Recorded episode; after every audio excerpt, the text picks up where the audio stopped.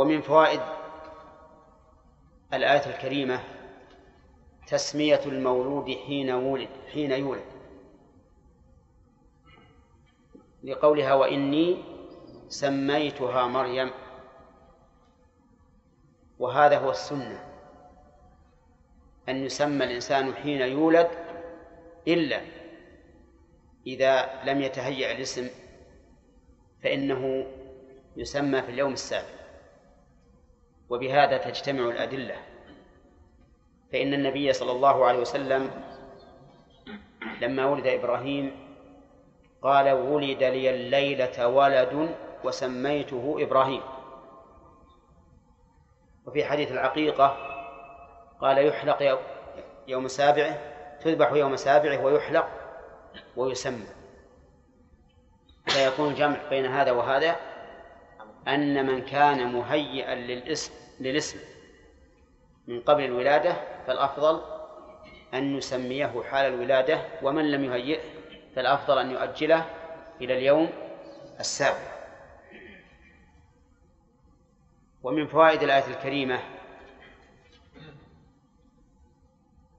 أنه أن التسمية تعود للأم ها؟ ليش؟ هي ما قالت وإني سميتها مريم. قد يأذن لها زوجها. كيف ما لا لا قد يكون هذا عيسى. قد يكون نعم. في احتمال.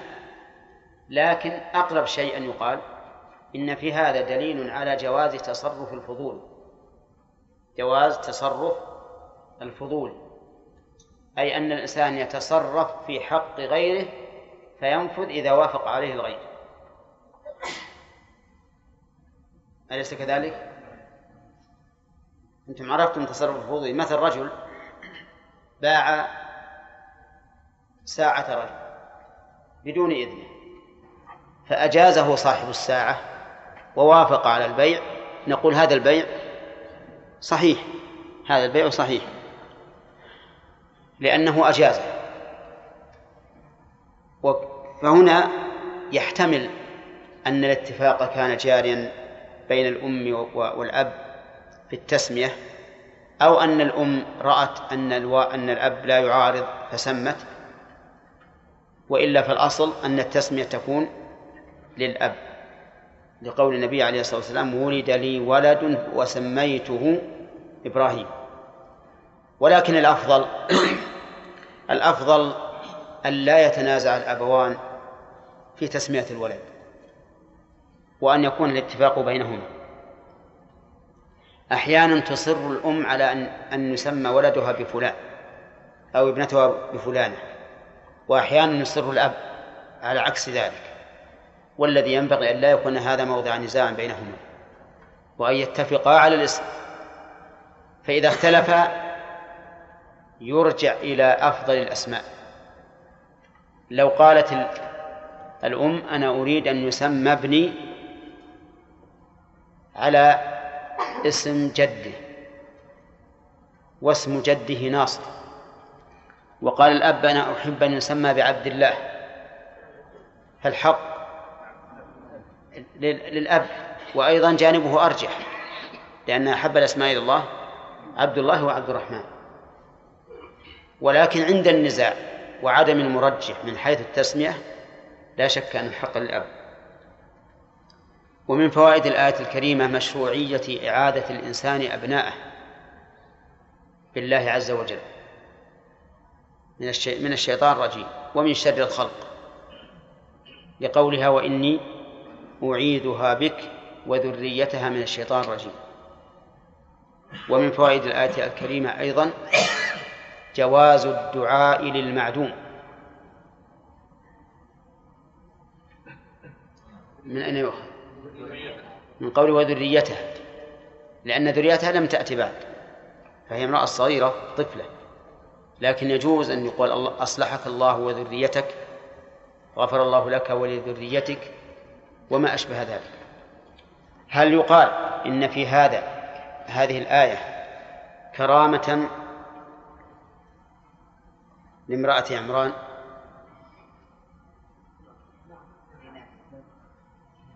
نعم. كيف؟ لا غير هذا. من قوله وذريتها. فإنها توقعت أن يكون لها ذرية. هذه فصار لها ذرية. توقعت أن يكون لها ذرية فصار لها ذرية. وهو عيسى عليه الصلاة والسلام. وإلا فقد يقال كيف تقول ذريتها؟ هل هي على علم بأن هذه الطفلة ستبقى وسيكون لها أولاد؟ ليست على علم بلا شك. لكن كونها تقول هكذا جازمة بذلك فيأتي الأمر فيقع على حسب ما توقعت هذا نوع من الكرامات. ومن فوائد الآية الكريمة أن الشيطان عدو لبني آدم. حيث يطلب الإنسان من الله عز وجل أن يعيذه منه. ومن فوائد الآية الكريمة بيان قدرة الله سبحانه وتعالى على كل شيء ومن ذلك الإجارة من الشيطان. وإلا لكان الاستعاذة به من الشيطان عبثا. ثم قال عز وجل فتقبلها ربها بقبول حسن إلى آخره. من فوائد هذه الآية الكريمة أن الله عز وجل سميع قريب مجيب. لأنها دعت فسمعها الله ولأنها دعت فأجابها الله. وفي القرآن الكريم وإذا سألك عبادي عني فإني قريب أجيب دعوة الداعي الداعي إذا دعا. ومن فوائد الآية الكريمة الرد على الملاحدة الذين ينكرون وجود الرب. وجهه؟ ها محمد شميمي ها. نعم. شلون رد الملاحدة؟ وين الملاحدة؟ قولها قولها انك لكن من ذكر الرد على الملاحدة؟ أنا؟ على الملاحده أي لانهم ينكرون وجود الله فقال إنك إنك أنت سميع إنك إنك سميع إنك سميع الدعاء. ف... فلا يسمع الدعاء إلا موجود. لكن أنا قال هكذا. نعم. أنا قال فيه رد على الملاحدة لقوله إن ربي لسميع الدعاء. قلت إن في رد على الملاحدة الذين ينكرون وجود الله. ها ثم قلت الحمد طيب من أين يؤخذ هذا؟ إنك أنت سميع الدعاء. ما ما ذكر هذا سبق في يعني. لكن من أين؟ ها الآن أقول. إنك أنت ما ذكرت في ما قال سميع الدعاء في أنك أنت السميع العليم. إنك أنت السميع العليم. سبق هذا في درس مضى وأخذنا فوائده اي نعم ناخذ من قولها آه. انك انت السميع العليم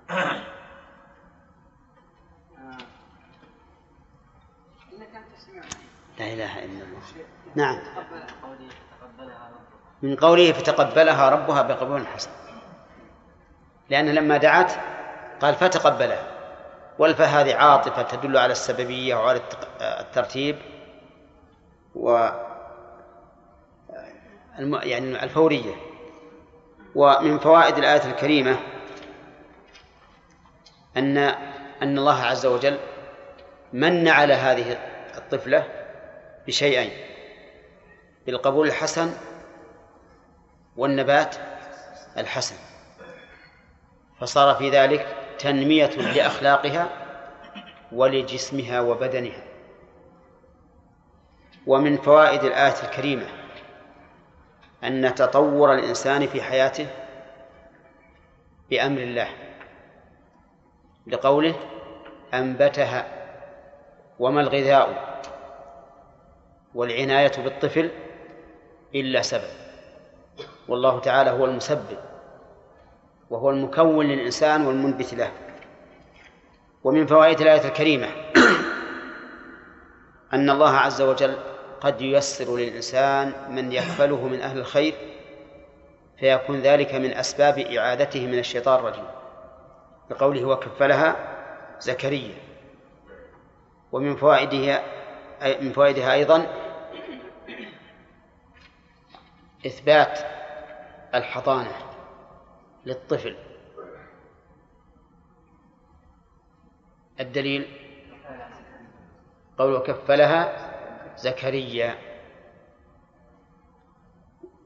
هل يؤخذ من ذلك أن الكفالة تكون للأب دون الأم؟ الجواب ليس بظاهر لأنه قد يراد بالكفالة هنا. كفالة التأديب والتربية وإيجاد النفقة دون القيام عليه بالحضن. ولهذا قال النبي عليه الصلاة والسلام أن لأم طفل أنت أحق به ما لم تنكحي. ومن فوائد الآية الكريمة أن هذه الطفلة صارت من العابدات من العابدات القانتات.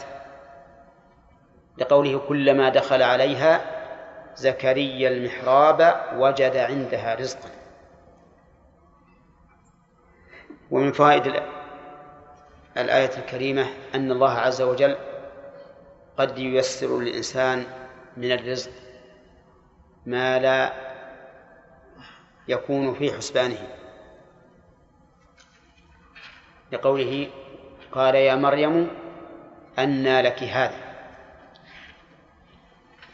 ومن فوائد الآية الكريمة أن لكل ضعف لطف لطفا. فهذه المرأة الضعيفة التي من الله عليها بالاشتغال بالعبادة يسر الله لها من يأتيها بالرزق. ومن فوائد الآية الكريمة أن أن الأشياء تضاف إلى الله وإن كانت لها سبب وإن كان لها سبب بقوله هو من عند الله. وإضافة الأشياء إلى أسبابها ليست إلا مجرد إضافة مسبب إلى سببه لا إلى موجده وإلا فإن الموجد هو الله عز وجل. طيب ومن فوائد الآية الكريمة أن الأنبياء لا يعلمون الغيب.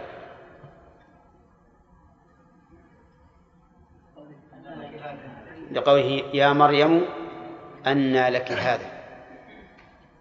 ومن فوائدها إثبات أن الله عز وجل يرزق بغير مكافأة ولا انتظار لمكافأة. لقولها إن الله يرزق من يشاء بغير حساب. ثم قال عز وجل هنالك دعا زكريا ربه. وهذا مبتدا الدرس. هنالك هذه اسم إشارة إلى المكان. واللام يقولون إنها للبعد والكاف حرف خطاب. يعني في ذلك الزمن نعم والإشارة هنا يحتمل أنها تكون للزمن أي في ذلك الزمن أو في المكان الذي هو محراب مريم نعم هنالك أي في ذلك المكان وفي ذلك الزمن. دعا زكريا ربه. وزكريا فيها قراءتان. المد والقصر زكرياء ربه. هذا مد. زكريا ربه. هذا القصر قال رب هب لي من لدنك ذرية طيبة. هب لي أعطني. والهبة هي التبرع بالشيء بلا عوض. لكن قال العلماء إن إن هناك هبة وهدية وصدقة. كم؟ ثلاث أشياء. فالصدقة ما أريد به ثواب الآخرة والهدية ما أريد به التودد والتقرب بين المهدي والمهدى إليه. والهبة ما قصد به مجرد انتفاع الموهوب له. وهنا قال رب هب لي أي أعطني عطاء بلا بلا ثمن. من لدنك ذرية طيبة. من لدنك من عندك وأضافه إلى عند إلى عندية الله عز وجل ليكون أبلغ وأعظم. لأن هدية الكريم أكرم. وقوله ذرية بمعنى مذروءة أي مخلوقة. وقوله طيبة أي طيبة في أقوالها وأفعالها وكذلك في أجسامها. فهو متناول للطيب الحسي والطيب المعنوي. إنك سميع الدعاء أي مجيبه. والدعاء هو سؤال العبد ربه حاجته إما بجلب منفعة وإما بدفع مضرة. قال فنادته الملائكة وفي قراءة فناداه فناداه الملائكة فناداه. فأما على قراءة الجمع فنادته الملائكة فالتأنيث في الفعل ظاهر لأن الملائكة جمع وكل جمع يجوز تأنيث فعله كل جمع إلا جمع المذكر السالم فإنه لا يؤنث إلا نادرا جدا. فمثال التأنيث في في الجمع ولو للمذكر ولو ولو للمذكر. قوله تعالى تلك الرسل فضلنا بعضهم. فالرسل هنا مؤنث. ما الدليل؟ الإشارة في التأنيث بصيغة التأنيث. وقال تعالى قالت الأعراب آمنا. قالت الأعراب ولم يقل قال الأعراب لأنه جمع. وأما جمع المؤنث السالم فيجب تأنيثه وجمع المذكر السالم يجب تذكيره. ولهذا قال ابن مالك رحمه الله والتاء مع جمع سوى السالم من مذكر كالتاء مع إحدى مع إحدى اللبن. أقرأ البيت. والتاء مع جمع سوى السالم من مذكر كالتاء مع إحدى اللبن. المعنى أن التاء مع الجمع كالتاء مع إحدى اللبن. ما هي إحدى اللبن؟ لبنة. فلبنة مؤنث لكن تأنيثها مجازي فيجوز في فعلها التذكير والتأنيث. فتقول انكسرت اللبنة وانكسر اللبنة. وظاهر كلامه حتى جمع المؤنث السالم لا يجب تأنيثه. والصحيح أنه يجب تأنيث المؤنث السالم. فالسالم من مذكر أو مؤنث حسب ما المذكر يجب تذكيره والمؤنث يجب تأنيثه وما عدا ذلك من الجموع يجوز فيه التذكير والتأنيث. فهنا نادته الملائكة. نادته الملائكة. ليس في تأنيث الفعل إشكال. لماذا؟ لأنه جمع لأن الفاعل جمع. لكن على قراءة فناداه الملائكة. فناداه الملائكة. هل فيه إشكال؟ نقول لا إشكال فيه أيضا. لا إشكال فيه. لماذا؟ لأن الملائكة جمع تكسير. وجمع التكسير يجوز فيه التذكير والتأنيث. فتقول قام الرجال وقامت الرجال. ويمكن أن يراد أن يراد بالملائكة واحد وهو جبريل. ناداه وعبر عنه بالجمع باعتبار الجنس لأنه واحد منهم. نادته نادته الملائكة. وهو قائم يصلي في المحراب. جملة وهو قائم في محل نصب على الحال. الحال من الضمير ألهى في قوله نادته. وقول قائم يصلي في المحراب المحراب مكان الصلاة أو مكان العبادة. وسم وسمي بذلك لأنه مكان حرب الشياطين. فإن العبادة حرب للشياطين. وليس المراد بالمحراب طاق القبلة كما يظنه بعض الناس فيفسر الآية به ويقول إن هذه المحاريب موجودة من قديم الزمان.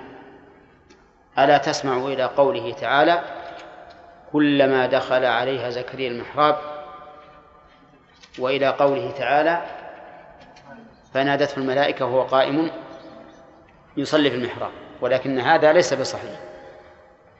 أن الله يبشرك فيها قراءتان. أن قراءة بالفتح وقراءة بالكسر. فأما على قراءة الكسر إن الله فلأن النداء قول. ومقول القول إذا صدر بإن بإن يجب فيه كسر إن. كقوله تعالى قال إني عبد الله. ولا يجوز أن تقول قال أني عبد الله. كذا؟ طيب. وأما على قراءة الفتح فهي على تقدير حرف الجر. فنادته الملائكة بأن الله يبشرك أي ببشرى. بشرى الله تعالى بهذه بهذا الابن يحيى. وأيضا في قوله يبشرك قراءتان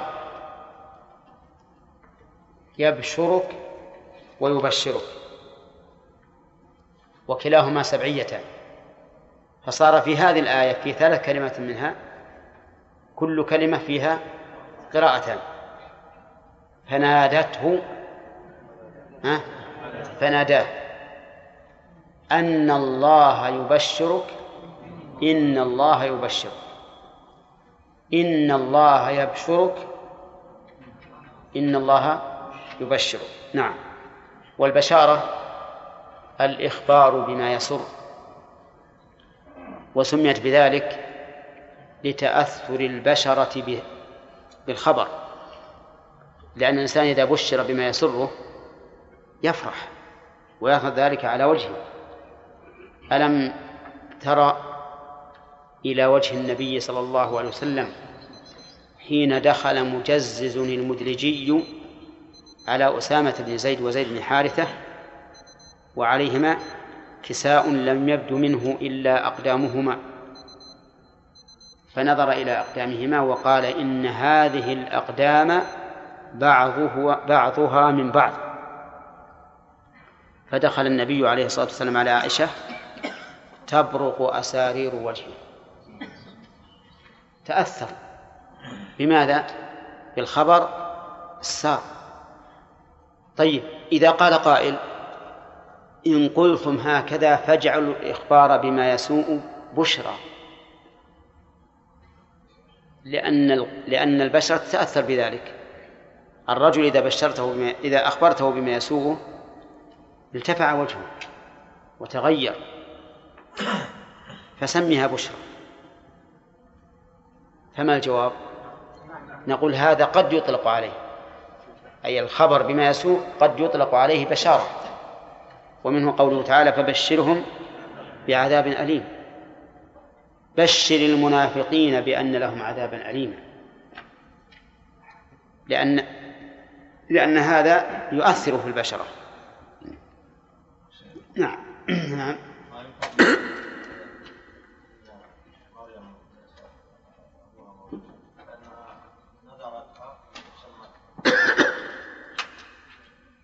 مريم يعني أن أباها مات قبل أن تولد.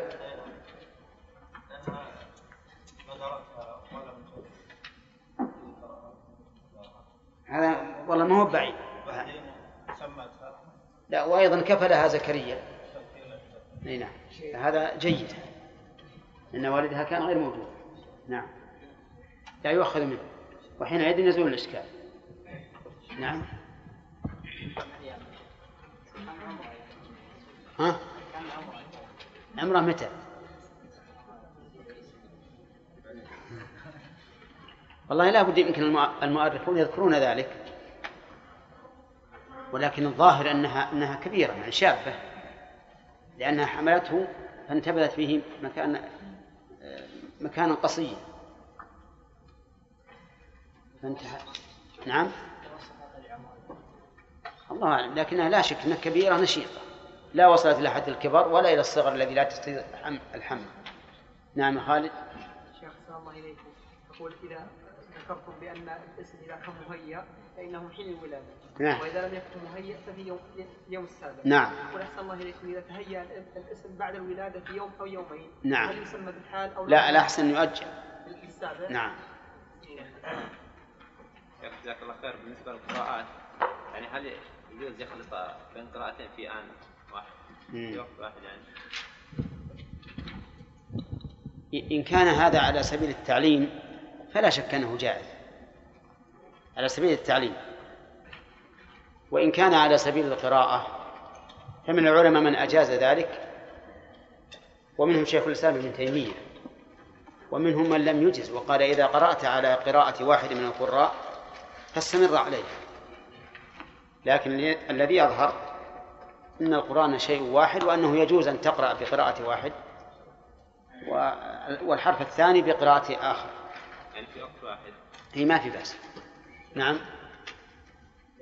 لا قصدك في يعني بمعنى أنك تردد الكلمة مرتين؟ لا لا. يعني يقرأ مثلا تقرأ إن الله يبشرك وأن الله يبشرك. كذا؟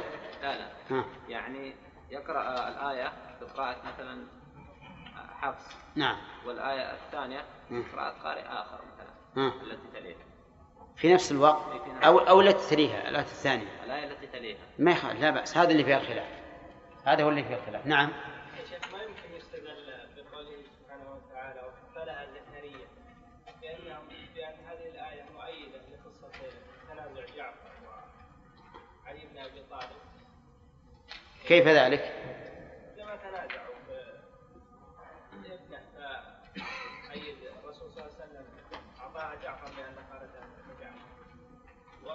وخالة مريم تحت زكريا إيه. بس هل في هذا النزاع؟ ما ما نعرف هل في هذا النزاع أو لا. يمكن يعني ما نقدر نقول فيه نزاع وهو ما ذكر في القصة. والظاهر أنه كما قال الأخان من أن أن أباها كان توفي. أبو مريم الله أنه توفي ولعل ولعله توفي قبل أن تولد بدليل أن مريم تصرفت فيها وسمتها ها؟ تأييد ليش؟ لا لا ما في تأييد ما في نزاع من, من نازع زكريا؟ لا بالنسبة لحكم ها؟ بالنسبة مثلا أنه تكون الحضانة أو تكون كفالة زوج الخالة أصلها الأب مو موجود إيه وأمها موجودة وهي عند أمها فنادته الملائكة وهو قائم يصلي في المحراب. أن الله يبشرك بيحيى مصدقا بكلمة من الله مصدقا بكلمة من الله وسيدا وحصورا ونبيا من الصالحين. قال رب أنا يكون لي غلام وقد بلغني الكبر وامرأتي عاقر. قال كذلك الله يفعل ما يشاء. قال رب اجعل لي آية. قال آيتك ألا تكلم الناس ثلاثة أيام إلا رمزا. واذكر ربك كثيرا وسبح بالعشي والإبكار. وإذ قالت الملائكة يا. مريم. هذا اللي وقفنا عليها. قال الله تعالى يبشرك بيحيى بيحيى. هذا المبشر به. وعندنا بشارة كما أسلفنا. ومبشر ومبشر به ومبشر. كم هذه؟ ها؟ أربعة. كلها شما كلها تضمنها قوله يبشرك بيحيى. يبشرك بيحيى. ويحيى قيل إنه من الحياة. وأن الله سماه بذلك إشارة إلى أنه سيحيا ويبقى. وعلى هذا فهو ممنوع من الصرف للعلمية ووزن الفعل. والعالمية ووزن الفعل علتان توجبان المنع من الصرف. وقيل بل هو اسم أعجمي. والأسماء الأعجمية ليست بمشقة لأنها غير عربية. وعلى هذا فالمانع له من الصرف العلمية والعجمة. لأن لأن العلمية والعجمة علتان مانعتان من الصرف. وموانع الصرف نذكرها الآن استطرادا تسعة. مجموعة في البيت. أنت.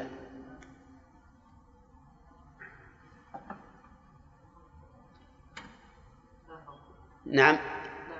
لا تحفظ البيت. نعم. ذا الملك موانع الصرف تسع موانع الصرف تسع إن أردت بها عملا لتبلغ في إرادة العمل أن في معرفة ركب للعزمة الوصف قد كمل أحسنت. ما هو؟ جمع وعدم زاد وزن وصفة ركبان عدمة طيب. نعم. يا سمع. جمع وعدل زاد وزن وصفة أصبر. آه، لكن نبي سمعكم بشرط أن تحفظوه. يلا. أي. جمع وعدل زاد وزن وصفة. ركب وعنف عدمة ومعنى ها؟ سمعتم؟ بالدور عليك طيب يجي بالدور الثاني إن شاء الله. البيت الأول من حفظه؟ معروف مشهور. اجمع وزن عادلا أنث بمعرفة ركب وزد عجمة فالوصف. قد كمل. هذه تسعة. ثلاثة منها لا تحتاج إلا إلى علة واحدة. وثلاث منها تحتاج إلى علتين إحداهما العالمية مع علة أخرى. وثلاثة تحتاج إلى علتين إحداهما العالمية أو الوصفية مع علة أخرى. فهذه العلة التسعة تنقسم ثلاثة أقسام.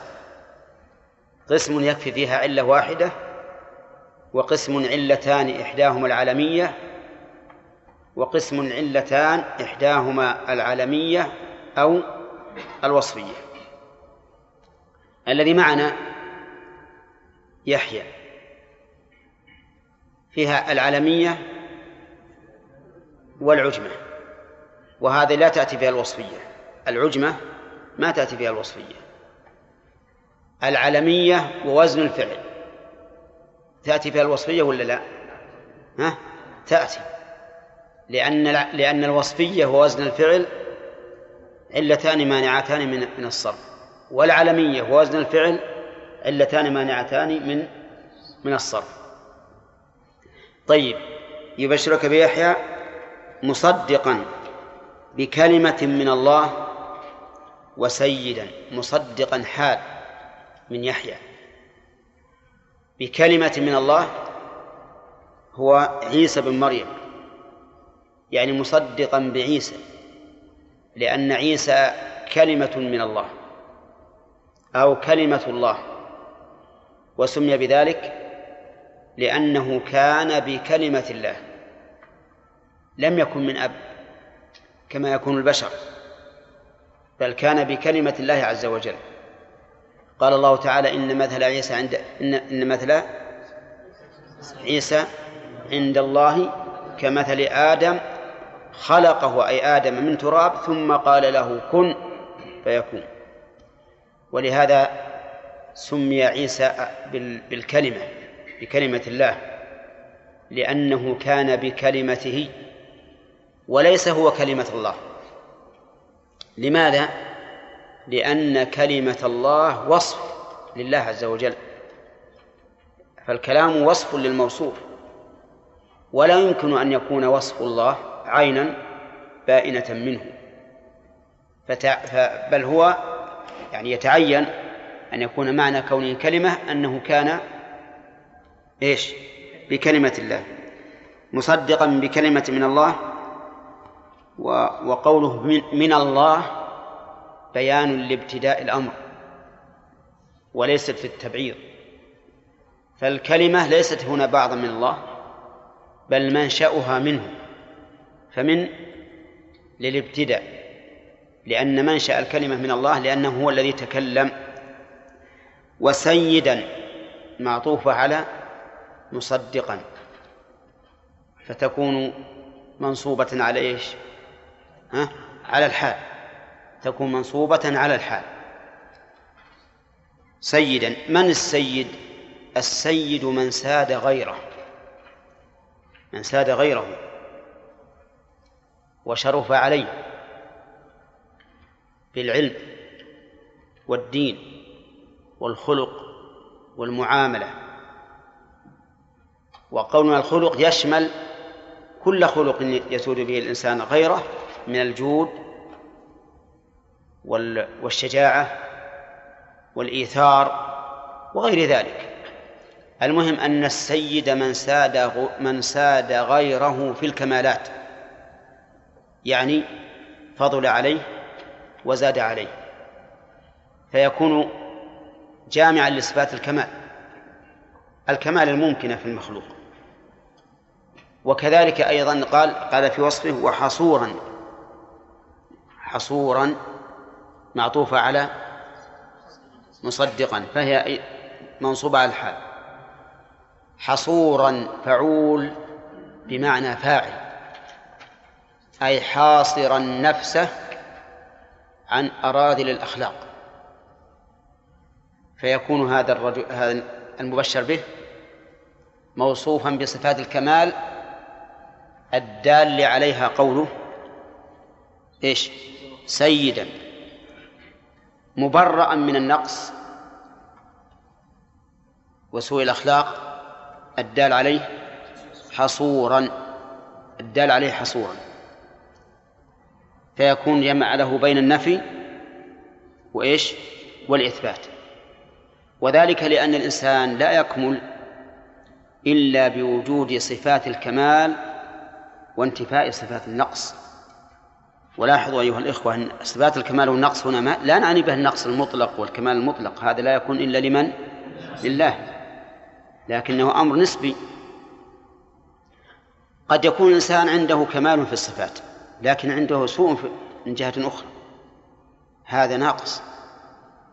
وقد يكون عنده سوء ونقص في الكمال فيكون هذا أنقص. وقد يكون عنده كمال في الأخلاق كمال نعم كمال في الكمال وتنزه عن النقص وهذا هو إيش؟ الكمال كما وصف به يحيى عليه الصلاة والسلام. وأما من قال من المفسرين إن الحصور الممنوع عن إتيان النساء يعني ما يقدر على النساء فإن في هذا نظرا. نظرا واضحا. لأن عدم قدرة الإنسان على النساء ليس كمالا. إذ أن ذلك ليس منه بتخلق. ولكنه عيب ولا لا؟ عيب. نعم لو فيها قول آخر أنه لا يأتي من النساء من لا تحل له فيكون وصفا له بماذا؟ بكمال العفة هذا يمدح عليه الإنسان. هذا يمدح. لكن ما قلنا أشمل من هذا القول. أشمل. ومعلوم أنه إذا وجد معنى أشمل فهو مقدم على المعنى الأقل لأن الأقل داخل في إيش؟ في الأشمل. ولا عكس. المهم أن أن الحصور هو الذي منع نفسه عن مساوئ الأخلاق وأراذلها فيكون في الآية وصف له بكمال الأخلاق وانتفاء المساوي وهذا غاية الكمال. طيب وحصورا ونبيا من الصالحين. هذه معطوفة أيضا على مصدقا. فهو مصدق ونبي. ولا يلزم من تصديقه بعيسى أن يكون تابعا له. فها, فها, فها هو محمد عليه الصلاة والسلام مصدق بجميع الأنبياء. وهو تابع لهم؟ نعم. لا. هم يتبعونه ولا يتبعون. ولهذا قال النبي عليه الصلاة والسلام لو كان أخي موسى حيا ما وسعه إلا اتباعي. ولهذا صار إماما لهم ليلة المعراج. ولهذا إذا نزل عيسى في آخر الزمان يحكم بشريعة النبي عليه الصلاة والسلام. المهم أن تصديقه لعيسى بن مريم لا ينافي أن يكون نبيا فهو نبي مصدق بالأنبياء. ولهذا قال ونبيا من الصالحين. من الصالحين أي من جملتهم. وإنما قلنا ذلك لأن النبوة وصف أعلى من من الصلاح. لكن هو في جملة الصالحين. فالنبوة صلاح وزيادة. والدليل على ذلك قوله تعالى ومن يطع الله والرسول فأولئك مع الذين أنعم الله عليهم ها من النبيين والصديقين والشهداء والصالحين. فالصالحون في المرتبة الرابعة. كل من قبلهم داخل فيهم. ولا لا؟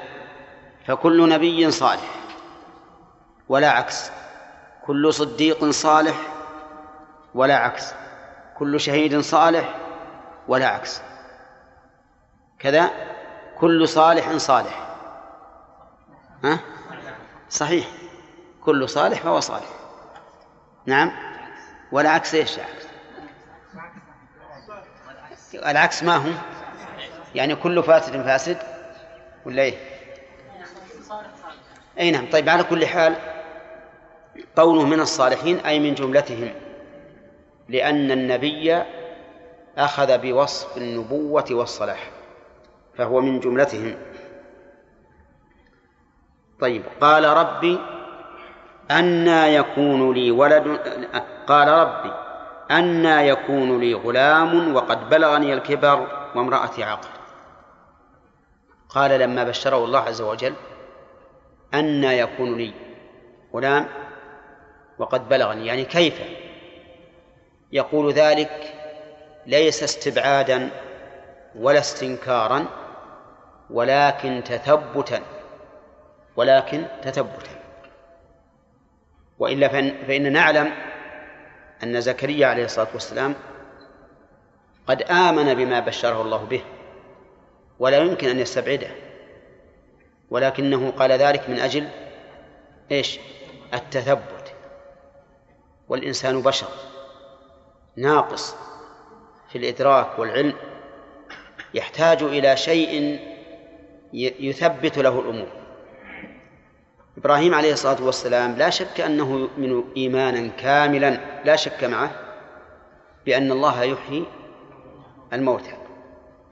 ومع ذلك قال رب أرني كيف تحيي الموتى. قال أولم تؤمن؟ قال بلى ولكن ليطمئن قلبي لأنه ليس الخبر إيش؟ كالمعاينة.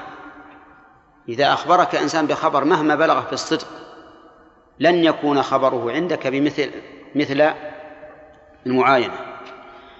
فزكريا عليه الصلاة والسلام سأل الله أن يكون لي غلام وقد بلغني الكبر بقصد إيش؟ التثبت وتثبيت هذا الأمر.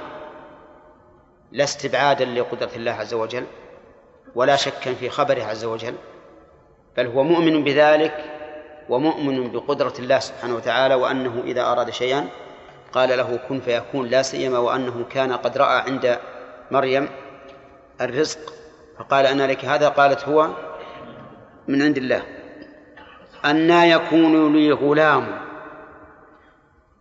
قال غلام مع أنه لم يولد بعد لكن هذا باعتبار ما سيكون والتعبير بما سيكون أمر سائغ في اللغة وارد في القرآن. قال أحدهما إني أراني أعصر خمرا. يعني أعصر عنبا يكون خمرا لأن الخمر ما بيعصر. اللي يعصر العنب وعصيره يكون يتحول إلى خمر. فعبر عن الشيء بما يؤول إليه. طيب هنا أن يكون لغلام كيف يكون غلامه وهو ما بعد ولد؟ نقول باعتبار ما سيكون. ثم قال وقد بلغني الكبر. الواو هذه يسميها العلماء واو الحال. يعني أنها تدل على أن الجملة التي بعدها في موضع نصب على الحال. يعني والحال أنه قد بلغني الكبر. حال من أين؟ من الياء في قوله؟ لا يا أخي حال قبل هي حال كيف من من الياء في قوله لي أن يكون لي غلام. فهي في موضع نصب على الحال من الياء في قوله لي. بلغني الكبر يعني وصل إلي الكبر والحقيقة أنه قد يتب... قد يتوا... يتراءى للإنسان أن في المعنى قلبا هل هو هل الب... هل الكبر بلغك أو أنت بلغت الكبر؟ ها؟ أو يجوز هذا وهذا؟ ها. قال الله تعالى وقد بلغت من الكبر عتيا فصار هو الذي بلغ الكبر وهنا يقول قد بلغني الكبر. إذا فالتعبير صحيح في هذا وهذا. فأنت إن بلغت الكبر فقد بلغك الكبر وإذا بلغك الكبر فقد بلغت. وقد بلغني الكبر يعني أصابني. وعادة أن الكبير إذا لم يولد له في حال في سن الشباب فإنه لن يرى الأولاد. لأن الإنجاب والإخصاب إنما يكون في حال الشباب. وكلما تقدمت السن بالإنسان من رجل أو امرأة قل إنجابه. فيقول كيف لما كنت شابا لا يأتيني ولد والآن بيأتيني الولد؟ أيضا المرأة امرأته عاقر. عاقر يعني لا تحمل. وعاقر لفظه مذكر لكن معناه هنا مؤنث ويطلق على الذكر والأنثى. يقال رجل عاقر وامرأة عاقر وهو الذي لا يولد له. فالآن كل من الزوجين ها؟ يعني ليس ليس بصدد الولادة ليس بصدد الولادة ولكن الله على كل شيء قدير. إذا أراد شيئا فإنما يقول له كن فيكون. ولهذا قال قال كذلك الله يفعل ما يشاء. كذلك الله كذلك يجوز عندي فيها وجهان. الوجه الأول أنها خبر لمبتدأ محذوف والتقدير الأمر كذلك. الأمر كذلك يعني أنك بلغك الكبر وامرأة عاقر ولكن الله يفعل ما يشاء. والوجه الثاني أن تكون في موضع نصب على المفعولية المطلقة أي مثل ذلك الفعل يفعله الله لأنه يفعل ما يشاء. وكلا الوجهين صحيح. كلا الوجهين صحيح. فإنه سيكون له ولد ولو كان بلغه الكبر ولو كانت امرأته عاقرا. لماذا؟ لأن الله إيش؟ يفعل ما يشاء. يفعل ما يشاء. فكل ما شاءه الله فعله. لأنه عز وجل لا يمنعه مانع. كما نقول نحن في دبر كل صلاة اللهم لا مانع لما أعطيت ولا معطي لما منعت. فالله عز وجل يفعل ما يشاء. لأن له الملك المطلق في خلقه فلا أحد يمنعه ولا أحد يسأله لما فعلت لا يسأل عما يفعل وهم يسألون. كذلك الله يفعل ما يشاء. فلما أيقن بأن الله تعالى سيهب له الولد سيهب له الولد نعم. قال رب اجعل لي آية. قال رب اجعل لي آية. أي صير لي علامة تدل على هذا الولد. تدل على هذا الولد.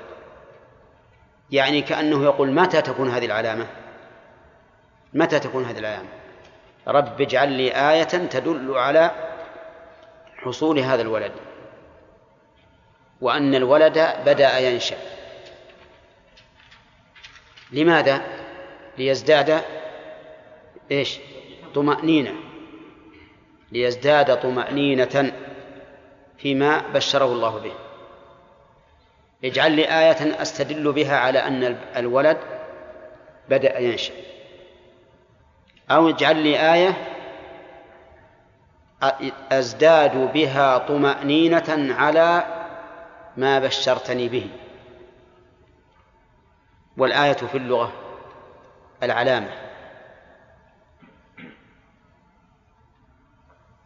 وآيات الله عز وجل كونية وشرعية. والأنبياء عليهم الصلاة والسلام أيدوا بماذا؟ بالآيات الدالة على صدقه الآيات الكونية والآيات الشرعية. وكثير من الناس يسمي آيات الأنبياء معجزات. وهذه التسمية وإن اشتهرت على الألسن لكن فيها قصورا.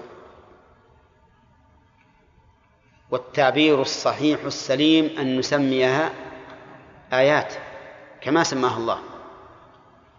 نسمي ما يحصل من خوارق العادات على أيدي الأنبياء نسميها آيات. ولهذا لا تجد آية في القرآن سمى الله هذه الخوارق معجزات أبدا. بل كان يسميها آيات علامات على الصدق. أما معجزات فهي قاصرة لأنها لو أخذناها على ظاهرها لشملت ما يأتي به السحرة.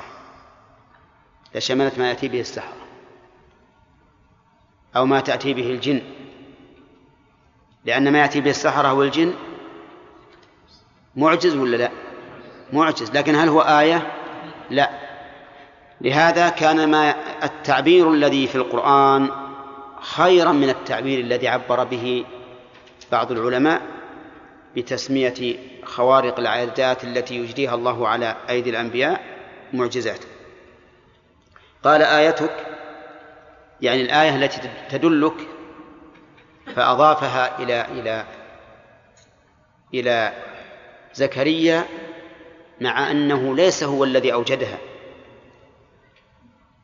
لكن لأنها علامة له. ألا تكلم الناس ثلاثة أيام. أنا أحب أن أفهم. إعراب آيتك ألا تكلم. آيتك ألا تكلم. ها. نعم. طيب واحد اثنين ثلاثة أربعة خمسة ستة. نعم يا. أنت يا إمداد ها. نعم. طيب. المصدر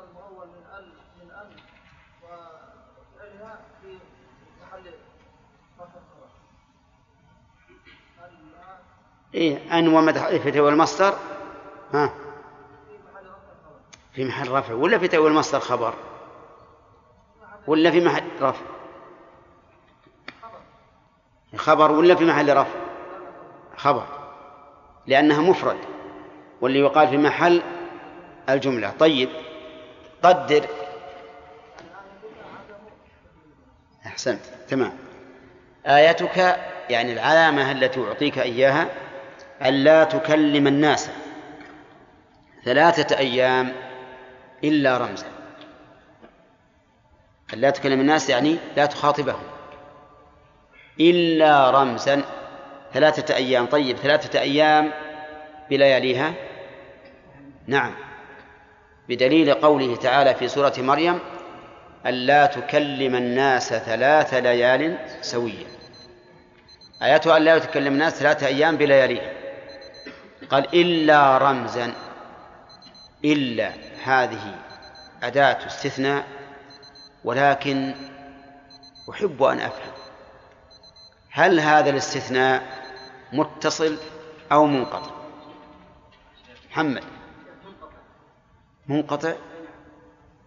لأن ما بعد إلا ليس من يعني من جنس ما قبلها الرمز ليس كلاما؟ الرمز كلام ولا غير كلام؟ لا غير كلام. طيب. ها. السياق أنه- متصل. نعم. هنا قال إلا تكلم الناس هنا قال له إلا رمزا نعم. عده كلامه قال متصل. متصل. هذان قولان. أما عند النحويين فلا يسمونه ها؟ والبلاغيون يسمونه نعم. هذا قول مفصل. طيب. هو الواقع ان ان أن الواقع أن المفسرين اختلفوا. هل الاستثناء متصل؟ فتكون الإشارة من الكلام. لأن الكلام هو ما يعبر عما في النفس من قول أو إشارة أو كتابة. وبعض المفسرين يقول إن الاستثناء منقطع لأن الرمز ليس بكلام. ولذلك لو رمز الإنسان في الصلاة لم تبطل صلاته ولو كان كلاما ها لبطلت. لقول النبي عليه الصلاة والسلام إن هذه الصلاة لا يصح فيها شيء من كلام الناس. فمن نظر إلى المعنى قال إن الرمز كلام لأنه ينبئ عما في النفس وقد اعتبره الشارع الشارع اعتبر الإشارة. أليس النبي عليه الصلاة والسلام قتل اليهودي بإشارة اليهودية التي قالت بإشارة الأنصارية؟ الجارية الأنصارية التي قالت حينما قالوا من قتلك فلان فلان فلان فأشرت نعم فاعتبر الإشارة. ف ولا شك أن الإشارة تعبر عما في النفس لكنها ليست القول الذي هو الصوت. لا شك في هذا أيضا. فمن لحظ المعنى قال الاستثناء متصل ومن لحظ اللفظ وأن الكلام هو الصوت. قال الاستثناء منقطع. ولكن على القولين المعنى واحد. لن يستطيع أن أن ينطق بلسانه مع الناس مع الناس. ولكن يشير إليهم إشارة. ووجه كون هذا آية أنه عجز عن النطق مع أنه سليم. وأنه عجز عن النطق مع الناس لا مع الله. وهذا شيء غريب. يعني إنسان إنسان يتكلم يقول سبحان الله والحمد لله ولا إله إلا الله والله أكبر. إنسان سوي لم يأته آفة ولا علة في لسانه ولا يستطيع أن يكلم الناس. هذه آية. عجز في مقام القدرة. وقدرة في مقام العجز. عجز عن كلام الناس مع في مقام القدرة على الكلام وقدرة على على كلام الكلام مع الله بالتسبيح وغيره وعجز على الكلام مع الناس. فهذا من آيات الله عز وجل. ليريه أنه سبحانه وتعالى قادر على كل شيء. الكلام الذي أنا وغيري يعلم أنه أخف حركة في البدن.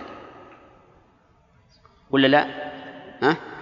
يستطيع الواحد يتكلم من إلى صار معطيها الله إمداد في في المعنى؟ يتكلم كم ساعة؟ إلى قبل والله ما أدري عن هذا لكن نعم يتكلم كثيرا ولا يتعب. لكن المشي المشي يتعب والبطش يتعب أما هذا الكلام اليسير اللي كل يستطيع يمتنع منه هذا الرجل ما يقدر يكلم الناس. إلا رمزا. وأما مع الله قال واذكر ربك كثيرا. نعم. ما انتهى الوقت يا أخي. ها؟ أيهن ما هي؟ إن شئ إن أحببت أن يكون الراجح أن الاستثناء منقطع فهو منقطع. وإن أحب من قال إنه متصل عليان فهو متصل. وإن أحب التفصيل من فصل كعبد المنان فلنفصل. المسألة ما يترتب عليها شيء يا محمد. والله في احتمال الحقيقة في احتمال. نعم محمد. هنا زكريا عليه السلام أنت من هنا؟ من من استجابة الدعاء. الجزم بالدعاء وهنا زكريا يعني الظاهر إنه يعني لم يتم يعني بعدين قال قال ربي أن يكون وشون؟ قلنا من شروط استجابة الدعاء اي نعم. الجزم الجزم بالدعاء اي نعم. يكون الانسان موقن الاجابه نعم. وهنا زكريا يعني لما قال قال ربي أن يكون لي غلام وقد بلغني الكبر مع أنه دعا أول كانه يعني لم لم يوقن الاجابه لا إله إلا الله. هذا لو كان الاستفهام على سبيل الاستبعاد يا محمد. وما استفهم مستبعدا للواقع. مستفهم للتثبت. أنا الآن لو قلت بعطيك مثلا عشرين ريال وأنت ترى أني صادق. تقول تعطيني عشرين ريال؟ وش قصدك بهذا؟ ها؟ التثبت. ما قصد الاستبعاد ولا ولا الشك. سبح بالعشي والإبكار. وإذ قالت الملائكة يا مريم إن الله اصطفاك وطهرك وطهرك واصطفاك على نساء العالمين. يا مريم اقنتي لربك واسجدي واركعي مع الراكعين. ذلك من أنباء الغيب نوحيه إليك. وما كنت لديهم إذ يلقون أقلامهم إذ يلقون أقلامهم أيهم يكفل مريم وما كنت لديهم إذ يختصمون. إذ قالت الملائكة يا مريم إن الله يبشرك بكلمة منه اسمه المسيح. اسمه المسيح عيسى بن مريم وجيها في الدنيا والآخرة ومن المقربين. ويكلم الناس في المهد وكهلا ومن الصالحين. أعوذ بالله من الشيطان الرجيم. قال الله تعالى ربك كثيرا. أمره الله تعالى بأن يذكر ربه كثيرا لأن بذكر الله تطمئن القلوب ويزداد الإيمان ويستنير القلب. فلهذا أمره الله أن يذكر ربه كثيرا. وفائدة الذكر كثيرا هنا أو الأمر بالذكر كثيرا لأن الله لما أخبره بأنه سيمنعه من مكالمة الناس بشره بأنه لن لن يمتنع من ذكر الله. الذي هو أجل وأشرف من مخاطبة الناس وكلامه. فقال واذكر ربك كثيرا. لأنه ربما يقع في قلبه لما قال الله له أن لا أن لا تكلم الناس ثلاثة أيام إلا رمزا ربما يقع في قلبه أنه يمنع من الكلام فأراد الله تعالى أن يسري عنه وأن يذهب عنه ما قد يقع في قلبه وقال له اذكر ربك كثيرا.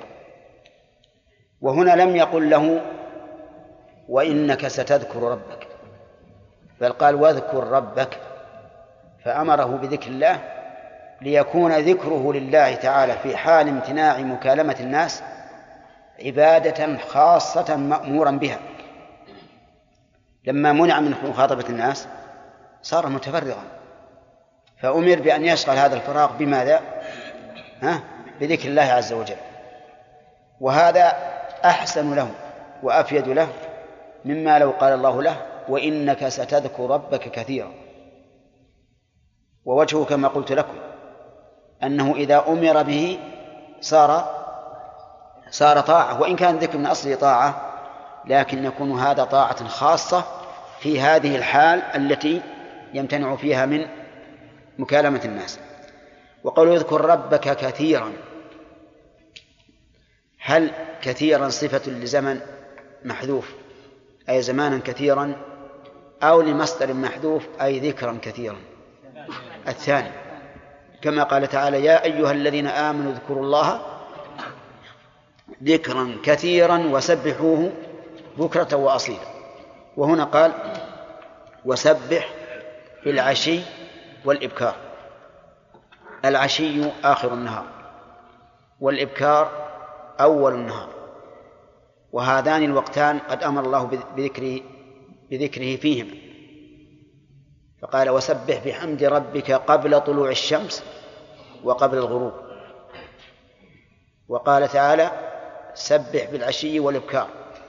هنا بالعشي والإشراق والآيات في هذا كثيرة لأن في الإشراق مستقبل النهار وفي العشي مستدبر النهار مستدبر النهار فيكون الإنسان شاغلا وقته أوله وآخره بماذا؟ بذكر الله من أين يبتدئ العشي؟ العشي يبتدئ من زوال الشمس. بدليل حديث أبي هريرة رضي الله عنه صلى بنا رسول الله صلى الله عليه وسلم إحدى صلاتي العشي وهي إما الظهر وإما العصر. وقيل العشي ما بعد صلاة العصر إلى منتصف الليل ولكن الأول أصح.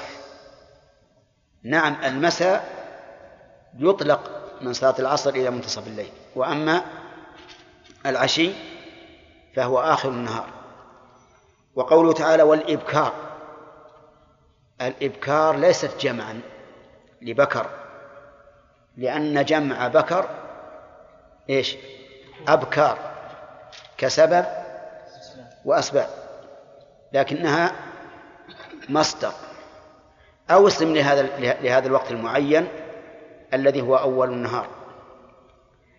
وقوله سبح بالعشي والإبكار يشمل تنزيه الله عز وجل عن كل ما لا يليق به. وقد مر علينا أن تسبيح الله يكون عن أمور ثلاثة عن صفة العين وعن نقص في في كمال وعن مماثلة المخلوقين. انتبهوا عن المشابهة هذه أخرجوها من ألسنتكم قولوا مماثلة لأن هذا هو اللفظ الذي جاء به القرآن. فيسبح الله عن هذه الأمور الثلاثة. ما هي؟ النقص والنقص في الكمال ها؟ ومماتة المخلوقين. فالنقص كقوله تعالى وتوكل على الحي الذي لا يموت والنقص في الكمال مثل قوله لا تأخذه سنة ولا نوم. ولقد خلقنا السماوات والأرض وما بينهما في ستة أيام وما مسنا من لغوب. ومماتة المخلوقين مثل قوله ليس كمثله شيء. هل تعلم له سميا ولم يكن له كفوا أحد. والتسبيح يكون بالقول ويكون بالفعل. فكل من عبد الله فقد سبحه. كل من عبد الله فقد سبحه. بالقول ولا بالفعل؟ بالفعل وإن لم يكن فيها كلمة سبحان. لأن العابد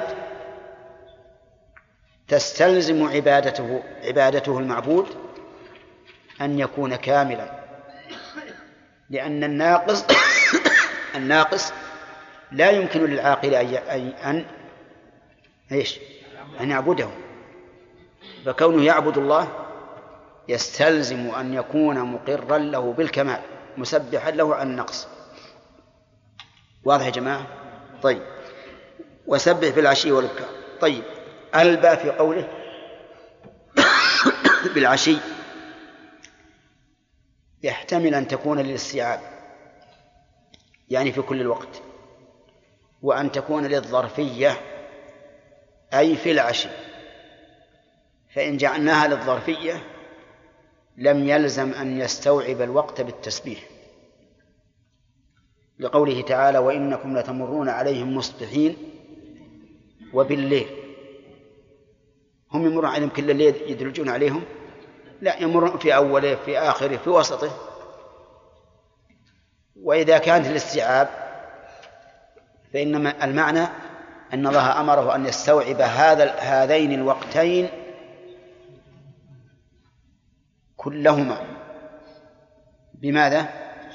بالتسبيح. طيب نرجع الآن إلى الفوائد. من من أين؟ طيب. قال الله تعالى هنالك دعا زكريا ربه. قال رب هب لي من لدنك ذرية إلى آخره. يؤخذ من هذه الآية الكريمة أن جميع الخلق مفتقرون إلى الله. حتى الأنبياء. لا يستغنون عن دعاء الله. لقوله دعا زكريا ربه. ومن فوائد الآية الكريمة إثبات القياس. إثبات القياس. من أين؟ لأنه لما رأى أن الله يرزق هذه المرأة بدون سبب معلوم بدون سبب معلوم علم أن الذي يسوق لها الرزق وهي امرأة منقطعة عن التكسب في محرابها قادر على أن إيش؟ يرزقه ولدا. فيكون انتقال من الشيء إلى نظيره وهذا هو نفس القياس محمد بن سلامة. صح؟ ها؟ إذن هو استدل أو أخذ من هذه القصة عبرة وهو أن يسأل الله أمرا وإن كان مستبعدا. ومن فوائد الآية الكريمة أن الصيغة التي يتوسل بها في الدعاء هي اسم الرب. اسم الرب. لقوله ربه ولم يقل الله. ولهذا تجدون أكثر الأدعية مصدرة بالرب لأن إجابة الداعي من مقتضى الربوبية ولا لا؟ لأنها فعل وكل الأفعال من مقتضى الربوبية. فلهذا يتوسل الداعي دائما إلى الله بالرب. قال النبي عليه الصلاة والسلام يمد يديه إلى السماء. ها؟ يا ربي يا رب يا ربي يا رب. نعم. ومن فوائد الآية الكريمة أن زكريا عليه الصلاة والسلام بلغ سنا بعيدا دون أن يأتيه الولد. من أين يؤخذ؟ من قوله وقد بلغني الكبر. نعم. جاء السؤال أجل نوقف طيب.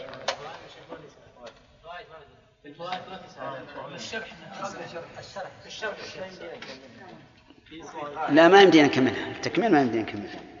لكن صحيح ان الفوائد ينبغي إن ما يكون فيها سؤال. لماذا؟ لأن الواحد إذا صار يعني يتفقد الفوائد ويستنبطها إذا جاءت الأسئلة منعت حالت بينه وبين الاستنباطات.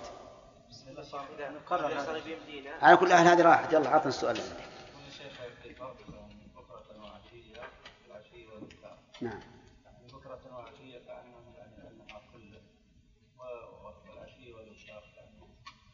إذا جعلنا ب... إذا جعلنا البلد الظرفية صحيح صار بينهما فرق إن جعلناها للاستيعاب لم يكن فرق لا الاستيعاب أنه كل الوقت تستوعب كل الوقت وليس المعنى دون دون غيرهما. لكن هذين الوقتين مخصوصان بالتسبيح ولا غيره يسبح لكن هذا أهم شيء. مخصوص معا ولا؟ لا ليس معا. ولهذا أكثر ما تكون التسبيحات والتهليلات في أول النهار وآخره نعم محمد قال كذلك الله يفعل ما يشاء من القائل ما يشاء إيش؟ قال كذلك الله يفعل ما يشاء. آه. من هو القائل اللي رد عليها زكريا. اقرأ من من الذي من من نادى زكريا؟ آه. إذا يكون القائل مع أنه ما وصل ما وصلنا الحقيقة. نعم. هذا سؤال مطروح يا محمد. نعم. قلنا إن التسبيح قلنا إن التسبيح يشمل الفعل والقول. نعم. يعني ما يشمل ذلك إيش؟ يسبح بسر يعني في سر يعني. هي النفس حديث النفس يعني. حديث النفس يدخل في هذا لكنه من الفعل. لأنه حدث نفسه. نعم. أن سيدنا محمد والله محمد سيدنا لكن هل الصحابة يقولون كذا؟ رسول الله صلى الله عليه وسلم. إيه. نعم. أبوين مشركين. نعم. بينما يحيى عليه السلام من أبوين صالحين. نعم. ويأخذ من قوله تعالى ونبيا من الصالحين. نعم. الجمع بين النبي والص- والصلاح. يعني أنه أنه ولد من صالحين؟ نعم. ما هو بالظاهر. هذه من من بيان ل- ل- لحال آه، يحيى. نعم. يقول يا سيدي يا سيد منه. إذا كان الرجل أهلا للسيادة لا بأس. السلام. يعني مثلا لو قال يجي واحد الفاسق فاجر يقول يا سيدي ما يجوز. لكن الأهل للسيادة لا بأس. عبد الله. قياس ها؟ قياس يصلح الانسان اذا اذا شاف اي شيء يعني مثلا دعاء يعني يقيس عليه إذا كان لا عدوان في ذلك فلا بأس. السلامة خير. إذا ما في عدوان لا بأس. أما يجي مثلا يدعو الله يقول اللهم اجعلني نبيا رسولا هذا حرام. ما يمكن. طيب كلامنا ما مقبل مع الأخ السائل يقول سيدي سيدنا محمد هل معنى ذلك أنه يحرم أن الإنسان يقول؟ قال سيدنا محمد. ها؟ لا يحرم. سيد والآخرين. إيه. طيب. ولأننا نحن ينبغي أن نتأدب كأدب الصحابة. كأدب الصحابة. إذا ساقوا الحديث عن الرسول ما ما هم يقولون قال سيدنا؟ قال رسول الله. قال نبي الله. نعم. كان مراد سيدي يعني يا مولاي. إيه. إذا صدق الوصف فلا بأس. لو قال العتيق لمن اعتقه يا مولاي صح. نعم. الملائكة يا مريم إن الله اصطفاك وطهرك واصطفاك واصطفاك على نساء العالمين. يا مريم اقنتي لربك واسجدي واركعي مع الراكعين. ذلك من أنباء الغيب نوحيه إليك. وما كنت لديهم إذ يلقون أقلامهم. أيهم يكفل مريم وما كنت لديهم إذ يختصمون؟ إذ قالت الملائكة يا مريم إن الله يبشرك بكلمة إن الله يبشرك بكلمة منه اسمه المسيح عيسى ابن مريم وجيها في الدنيا والآخرة ومن المقربين ويكلم الناس في المهد وكهلا ومن الصالحين. قال الله تعالى هنالك دعا زكريا ربه قال رب هب لي من لدنك ذرية طيبة إنك سميع الدعاء أخذنا منها أربع فوائد الأولى أن جميع الخلق مفتقرون إلى الله حتى الأنبياء. الثانية إثبات القياس لأنه لما رأى أن الله يرزق هذه المرأة بدون سبب معلوم علم أن الذي يسوق لها الرزق وهي مرأة منقطعة التكسب في محرابها قادر على أن يرزقها. الثالثة أن الصيغة التي يتوسل بها في الدعاء أن يرزقه الولد ولا لا؟ نعم الثالثة أن الصيغة التي يتوسل بها في الدعاء هي اسم الرب. الرابعة أن زكريا عليه الصلاة والسلام بلغ سنا بعيدا دون أن يأتيه ولد. طيب الثالثة أن الصيغة التي التي يتوسل بها في الدعاء هي اسم الرب بقوله غالبا غالبا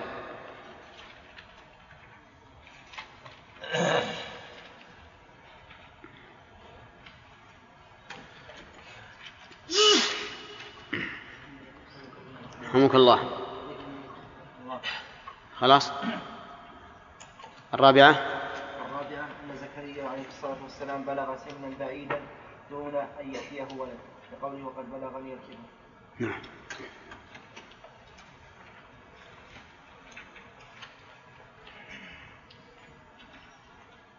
إذن معناه قال ربي أن يكون غلام هذا من الآية اللي نريد الفوائد عليها. ها؟ يعني من أول الآيات؟ سبحان الله.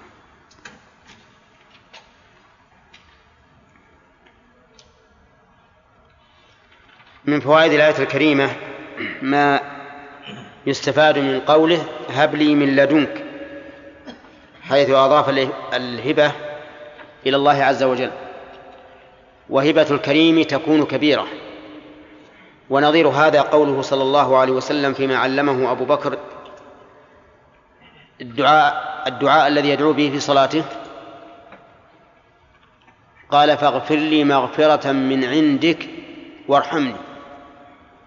وكما أشرنا إليه أن الشيء من الكريم يكون عظيما. ومن فوائد الآية الكريمة أنه لا ينبغي للإنسان أن يسأل مطلق الذرية لأن الذرية قد يكونون نكدا وفتنة. وإنما يسأل الذرية الطيبة. ومن فوائد الآية الكريمة التي تشير إليها إشارة أنه ينبغي للإنسان أن يفعل الأسباب التي تكون بها ذريته طيبة. ومنها الدعاء دعاء الله وهو من أكبر الأسباب. وقد ذكر الله سبحانه وتعالى عن الرجل انتبه يا أخ ولا تكل وقد ذكر الله عن الرجل يبلغ الأشد أنه يقول أصلح لي في ذريتي إني تبت إليك وإني من المسلمين. ولا شك أن صلاح الذرية أمر مطلوب لأن الذرية الصالحة تنفعك في الحياة وفي الممات لقول النبي صلى الله عليه وسلم إذا مات الإنسان انقطع عمله إلا من ثلاثة إلا من صدقة جارية أو علم ينتفع به من بعده أو علم ينتفع به أو ولد صالح يدعو له. من فوائد الآية الكريمة التوسل إلى الله تعالى بأسمائه المناسبة للحاجة لقوله إنك سميع الدعاء أي مجيبه.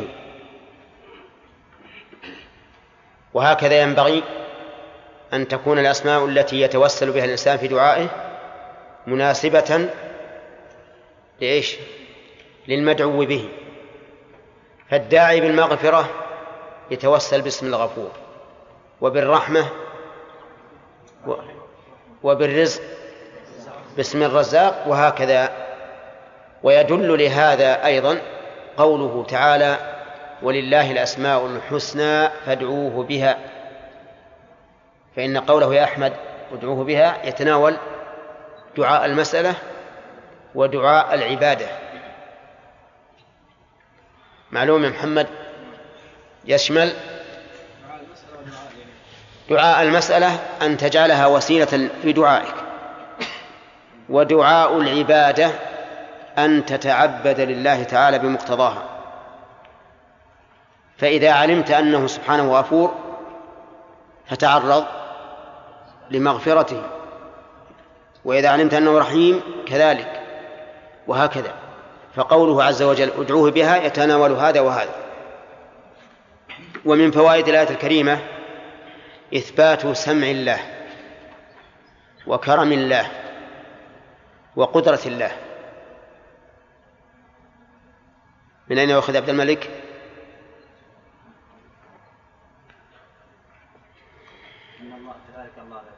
سلام.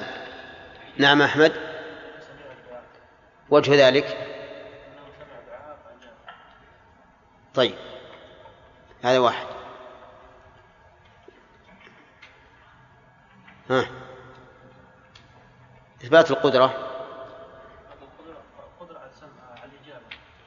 القدرة على الإجابة. نعم. الثالث.